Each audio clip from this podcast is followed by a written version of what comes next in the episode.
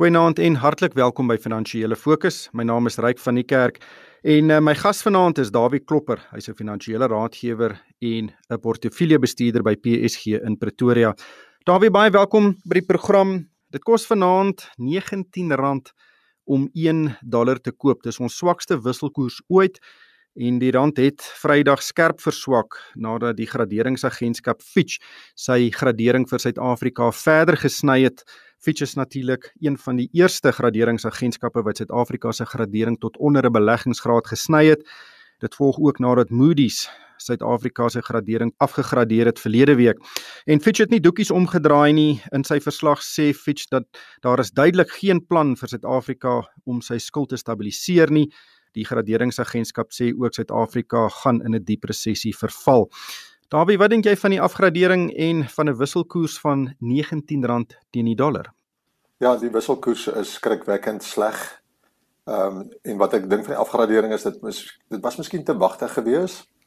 Ehm um, dat hulle wel sou nog verder stappe neem en wat hulle sê dan nou dat daar nie sigbaarheid is is hoe hoe ons hier uit gaan kom nie is gewis. Ons moet ook daarom net weet dat ons is nie alleen enigste land wat in hierdie slegte posisie is nie. Die hele wêreld word natuurlik hierdeur getref en ons het ongelukkig op op 'n baie slegte vlak in ons ekonomiese uh, wel slegte ekonomiese toestande gehad waarin ons was voordat ons hier ingegaan het. En dit maak ons des te meer kwesbaar natuurlik. Um, ons staatsfinansies was reeds onder druk gewees en daar was nie werklik ordentlike planne op die tafel om dit aan te spreek nie. Die minister van finansies het probeer vir ons sê maar ehm um, ons gaan moet herstruktureer in die ekonomie maar dit was nie asof daar op groot skaal na hom geluister was deur sy eie kollegas nie. So dit ons het op 'n slegte punt hier ingegaan en nou is die wêreldekonomie onder geweldige druk. Die feit dat die rand verswak het, miskien was dit so 'n bietjie spekulasie teen die rand, teen hierdie tipe van aankondigings. Um, ons weet ook dat daar nie besonder baie reserve beskikbaar is om die rand te beskerm nie en ons weet ook dat die wisselkoers of die rand dan spesifiek 'n baie likwide wisselkoers is en dat as daar dan ehm, 'n um, plek is om gespekuleer te word, is die rand telke male daardie plek deur buitelandse beleggers wat wil kom spekuleer byvoorbeeld in opkomende markgeldeenhede. En ons het dit dan ook gesien dat die rand het baie verswak die afgelope week of twee, uh, meer as wat mense dalk sou verwag het. En dan net miskien net 'n interessantheid reik ek het 'n uh, verband getrek tussen uh, Suid-Afrikaanse staatseffekte koerse, die langtermynkoerse en die rand so die afgelope 10 jaar volg die twee mekaar baie nou um, en mense wonder bietjie wat se hoender wat se eier maar die laaste week het daardie verband tussen die twee afgebreek. Die langtermyn staatseffekte koerse het begin herstel nadat dit ook die vorige week baie skerp verswak het. Maar dit het die afgelope week matig herstel ons weer die Reserwebank het op 'n manier ook betrokke geraak in daardie mark, maar die rand het aanhou verswak. En dit het net vir my gesê daar is daar's wesentlike spekulasie aan die gang teen die rand omdat dit dan nou die plek is om 'n paar rand of dan dollars te maak vir daai buitelandse beleggers. Kyk, die rand is by verre die swaks presterende geldeenheid in die wêreld. Sedert die begin van die jaar het ons nou al 36% van die waardeprys gegee. Dis meer as 'n derde Natuurlik is die rand wisselvallig soos jy gesê het, maar jene, 36%. Is dit maar net 'n oorreaksie of is hier 'n tendens? O, jy is verseker elemente van 'n oorreaksie aan die gang. Is hier 'n tendens aan die gang? Baie mense sal vir jou sê, maar ons het julle gesê die rand is kwesbaar en ehm um, hier word dit nou vir julle bewys. Ons weet dat die staatsfinansies nie in 'n goeie plek is nie. Daar's tog op 'n manier bekommernis dat die betalingsbalans nou onder druk gaan kom omdat baie van die produkte wat ons uitvoer of die ja, die produkte, die ehm um, veral kommoditeite wat ons uitvoer, daar op die oomblik min vraag daarna toe is in die wêreld en ons tipiese uitvoere ehm um, produkte dan op die oomblik nie kan vloei nie en dat dit dan die betalingsbalans ook onder druk plaas. So met staatsfinansies onder druk, 'n groot tekort ehm um, voor lenings en dan natuurlik nog die betalingsbalans onder druk, is dit 'n ideale teelaarde om die rand te verswak. En ek dink 'n mens sal moet sê, ehm um, erns gaan die owerhede moet nader staan en sê, maar wat kan ons doen hier om, hier rondom? Wat gaan ons watse planne gaan ons aankondig vir die markte om te sê dat ons bereid is om miskien pyn te vat, maar ons gaan deur 'n her tipe van 'n herstrukturering van die ekonomie begin moet begin gaan om dan nou weer sigbaarheid te gee oor hoe gaan ons hier uitkom en hoe gaan ons hier uit herstel. Ehm um, dit is verseker nodig dat ons dit gaan moet doen en dit gaan dalk nodig raak dat ons gaan na die IMF toe moet gaan om vir hulle te gaan sê hier is nou 'n situasie wat ons sukkel om te hanteer. Dis waarskynlik korttermyn van aard, maar ons kort hulp op hierdie stadium. En ek dink as ons daardie hulp kan kry en daardie fondse sou kon vloei van die IMF af terug na Suid-Afrika toe, dan gaan dit hierdie eenrigting spekulasie uh, minder maklik maak en gaan die spekulante twee keer moet begin dink. Verseker as mens net kyk na byvoorbeeld SA aandele in dollar terme. Vat nou maar Netbank as 'n voorbeeld. Ehm uh, die mate wat die Netbank aandeleprys in rand gedaal het is al skrikwekkend, maar in dollar terme is dit omtrent al 80% wat die wat die Netbank aandeleprys van die begin van die jaar af teruggesak het. So erns van 'n buitelandse belegger moet sê maar die SA omgewing is daarom nie soveel swakker as 3 maande terug. En dat hulle gaan wil sê maar hier ons het dit doen met 'n baie swak wisselkoers met baie lae aandelepryse as ons nou begine koop 'n buitelander nou dan maak hy die rand sterker en hy draai daai aandeleprys om en hy maak 'n dubbele wins. En daardie situasie moet ons ook baie binnekort begin bereik ek dink ook hulle het nou te veel SA bates verkoop of daar's nie meer veel oor om te verkoop om in 'n sekere sin nie en ehm um, en dit speel alles 'n rol en dit wat ons nou sien hier uitspeel en die wisselkoers is die is eintlik maar die venster waardeur dit rondom ons alles uitspeel. Ja, maar ek wil net terugkom by die wisselkoers voor ons oor banke gesels. Die regering kan 'n paar dinge doen om die rand te verstewig. Die vernaamste een is soos jy nou gesê het is om 'n herstrukturering aan te kondig, die uh, ongewilde besluite aan te kondig en sake vertroue te verhoog en dit natuurlik sal 'n groot positiewe impak hê, maar dit kan dalk 'n rukkie vat voor daai sake vertroue terugkeer. Die ander ding wat die Reserwebank kan doen is om die rentekoers te verhoog.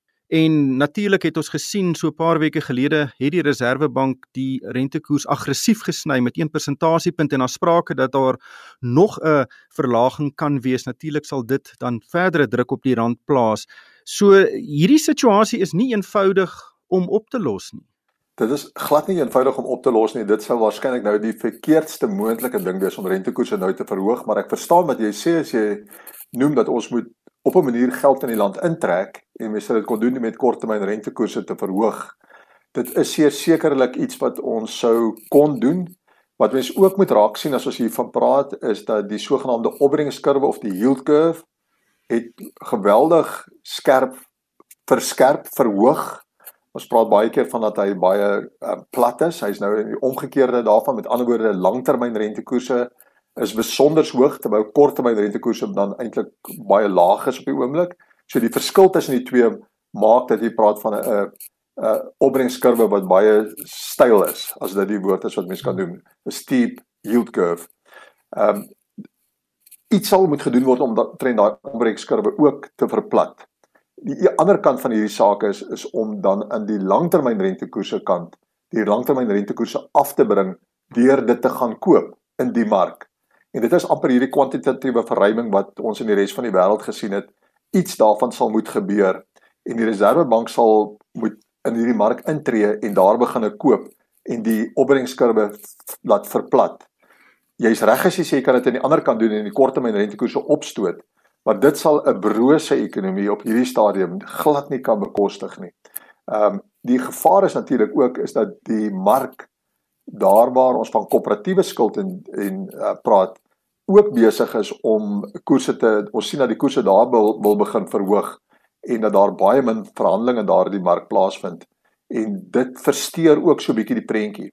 So hier's 'n komplekse 'n kompleksiteit in die onderliggend aan alles wat ons hierso sien wat um, aangespreek gaan moet word en mense is bewus daarvan dat daar op groot skaal hierna gekyk word en en baie dringend hierna gekyk word maar die aankondigings moet nou begin kom ehm um, sodat ons kan op die punt kom waar ons kan begin werk aan die herstel van vertroue. Inderdaad wat jy dan nou sê net die regte aankondigings en die regte samewerking van al die partye tot die tot die unies ook natuurlik die sake sektor is aan boord.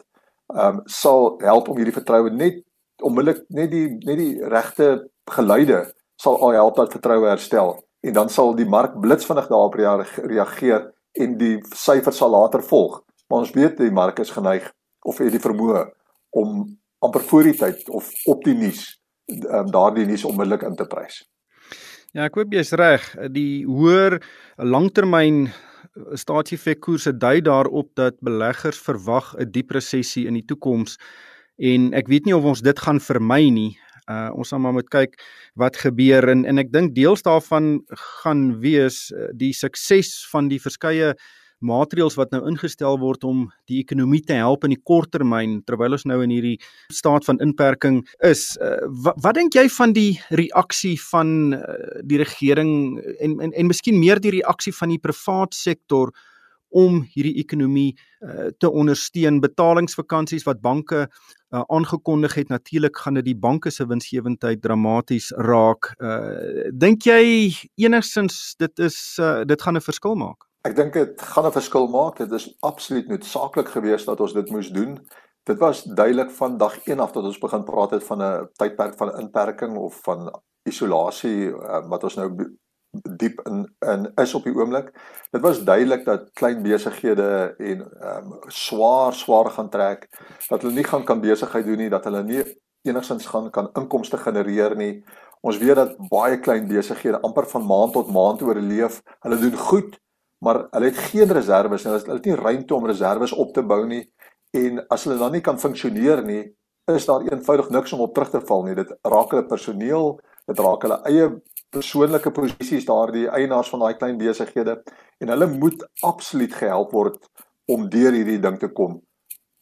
Dit beteken ons sal moet begin dink op 'n stadium tot 'n watter mate is hierdie inperking besig om die ekonomie so dood te maak dat mense van honger gaan begine doodgaan by wyse van spreuke.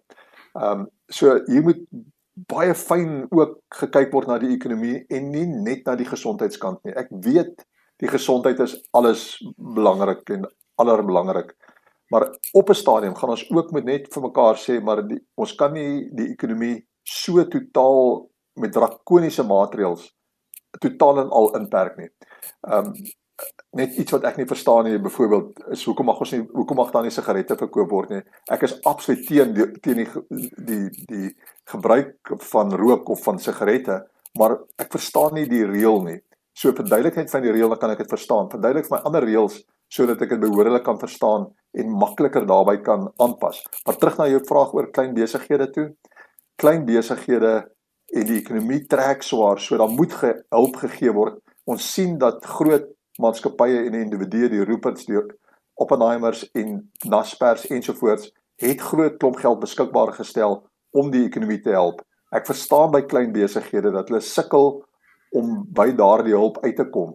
Mense wat ek ken wat aansoek doen om kom nie deur in die websites deur die deur die vraelyste wat gevra word nie. Hierdie geld moet blitsvinnig vloei. Anderstes gaan ons die ekonomie grootskaalse skade aandoen waaruit ons gaan sukkel om hom te herstel. Ja, ek stem met jou saam. Ek dink ons kan hierdie 3 weke doen, eh, maar daar is net nie genoeg geld beskikbaar om vir 'n uitgerekte tydperk klein ondernemings uh, en selfs middelslag en groot ondernemings ook te ondersteun nie. In Amerika is 'n 2 triljoen dollar hulppakket aangekondig. In Brittanje is dit 330 miljard pond. Dis enorme bedrae maar in Suid-Afrika lyk dit asof die reddingspakkette oorgelewer is aan bydraes van die privaat sektor en dit is nie volhoubaar nie. En ek dink die geleentheidskoste van hierdie 21 dae van inperking is baie baie hoog en ek dink daar moet begrip daarvoor wees. Ons kan dit nie eintlik verlanger as dit doen nie. Nog iets wat vir my opgeval het is die daling in ekonomiese aktiwiteit voor die inperking. Ons het hierdie week gesien dat motorverkope byvoorbeeld in Maart het met 30% geval. En ek vermoed ons gaan soortgelyke dalings sien in verskeie ander bedrywe. Uh en dit gee vir my 'n bietjie omvang van die geleentheidskoste van hierdie inperking. Absoluut. Ehm um, die duursame goedere en semi-duursame goedere bedrywe gaan absoluut amper wil mense sê vernietig word, platgeslaan word in April maand. Ehm um, dit het reeds in Maart begin gebeur, maar dit gaan nog erger word in April. Ehm um, dit is ehm um, as mens kyk net wat het in China gebeur met hulle motorverkope het daar in Februarie maand met oor die 80% geval net in 'n maand se tyd. En dit is wêreldwyd besig om te gebeur. Ons sien dit ook byvoorbeeld in Amerika waar van die groot motorvervaardigers nou al gesê hoe sleg dit met hulle gegaan het hier in einde Maart se kant toe en April is nou eers besig om te gebeur.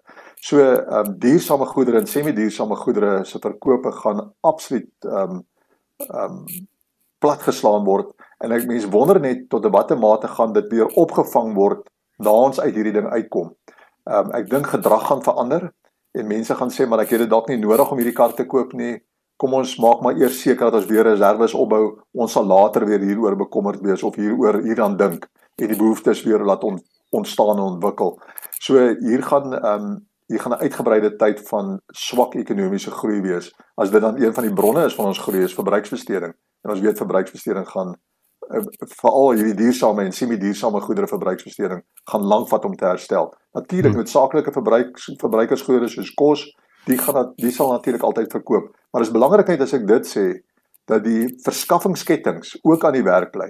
En ek sien al reeds oor see sê hulle dat van die verskaffingskettings is besig om af te breek omdat omdat dinge op 'n ander manier nou gedoen moet word en die aanpassingsprosesse vind nie vinnig genoeg plaas om te sorg dat die verskaffingskettings behoorlik bly vloei nie.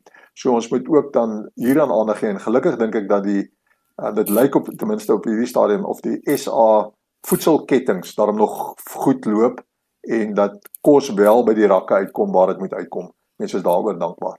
Ja, jy praat van ekonomiese groei. Uh, Fitch sê in sy verslag oor Suid-Afrika dat hulle verwag 'n 3,8% inkrimping vir 2020 wat 'n dramatiese insinking is. En uh dit gaan deurvloei na baie sektore toe insluitende ook belastinginvordering. Edward Kieswetter, die kommissaris van die uh, inkomste diens het hierdie week gesê dit het relatief nog goed gegaan tot en met Maart, maar hulle verwag ook 'n dramatiese daling in belastinginkomste en dit natuurlik vloei ook deur na ander fiskale Eh, verhoudings soos onder meer die fiskale tekort wat ons sien die tekort uh, van die begroting teenoor BBP wat kan opskiet na 11% toe. Dis 'n reuse syfer. Dit is 'n reuse syfer as jy vat dat dat die kredietgeleningsagentskappe en almal wat hierna kyk tipies praat van 'n 3% tekort as aanvaarbaar as dit dan aanvaarbaar sou wees. Nou praat jy van 11% wat baie moontlik gaan wees dat ons daar gaan kom. En ont, uh, en mense moet onthou die tekort word groter en die die bruto binnelandse produk word kleiner, die ekonomie word kleiner. So daardie syfer, die wiskunde net agter die syfer word nog erger. Ehm um, ja en in invloeye of inkomste vir die staats vir die staatskas vir die fiskus gaan wesentlik onder druk wees. Dis uit die aard van die saak 'n gevolg van wat hier aan wat hier gebeur en daar is nog die druk op die staat om ekstra te bestee. Ehm um, die vraag is hoe gaan wat gaan hulle ekstra bestee en hoe gaan hulle dit doen en waaraan gaan hulle dit doen? Ehm um, weet ons weet dat in 2008 toe die staat ook moes antisiklies optree toe die ekonomie in duie gestort het met die groot resessie, het die staat gegaan en sy salarisrekening gaan uitbrei as sy vorm van ekstra besteding. Dit en dit is dit het die die die die tafel gedek vir die probleme wat ons vandag het en die staat sal moet op die regte plek bestee as hy dan wel tog ruimte gaan vind om te bestee as hy geld gaan leen in die mark en ehm um, daai geld kom bestee. Ehm um, mens ehm um, mens weet hulle het 'n geweldige druk op hulle, maar hulle gaan met hier baie wys optree en nie weer die ekonomie verder in die moeilikheid plaas nie. Dawie, ongelukkig hierdie tyd ons ingaal. Baie dankie aan jou deelname vanaand. Dit was Dawie Klopper, hy's 'n finansiële raadgewer en portefeuljebestuurder by PSG in Pretoria. En van my ryk van die kerk, dankie vir die saamluister en ek hoop werklik almal het 'n gesonde week.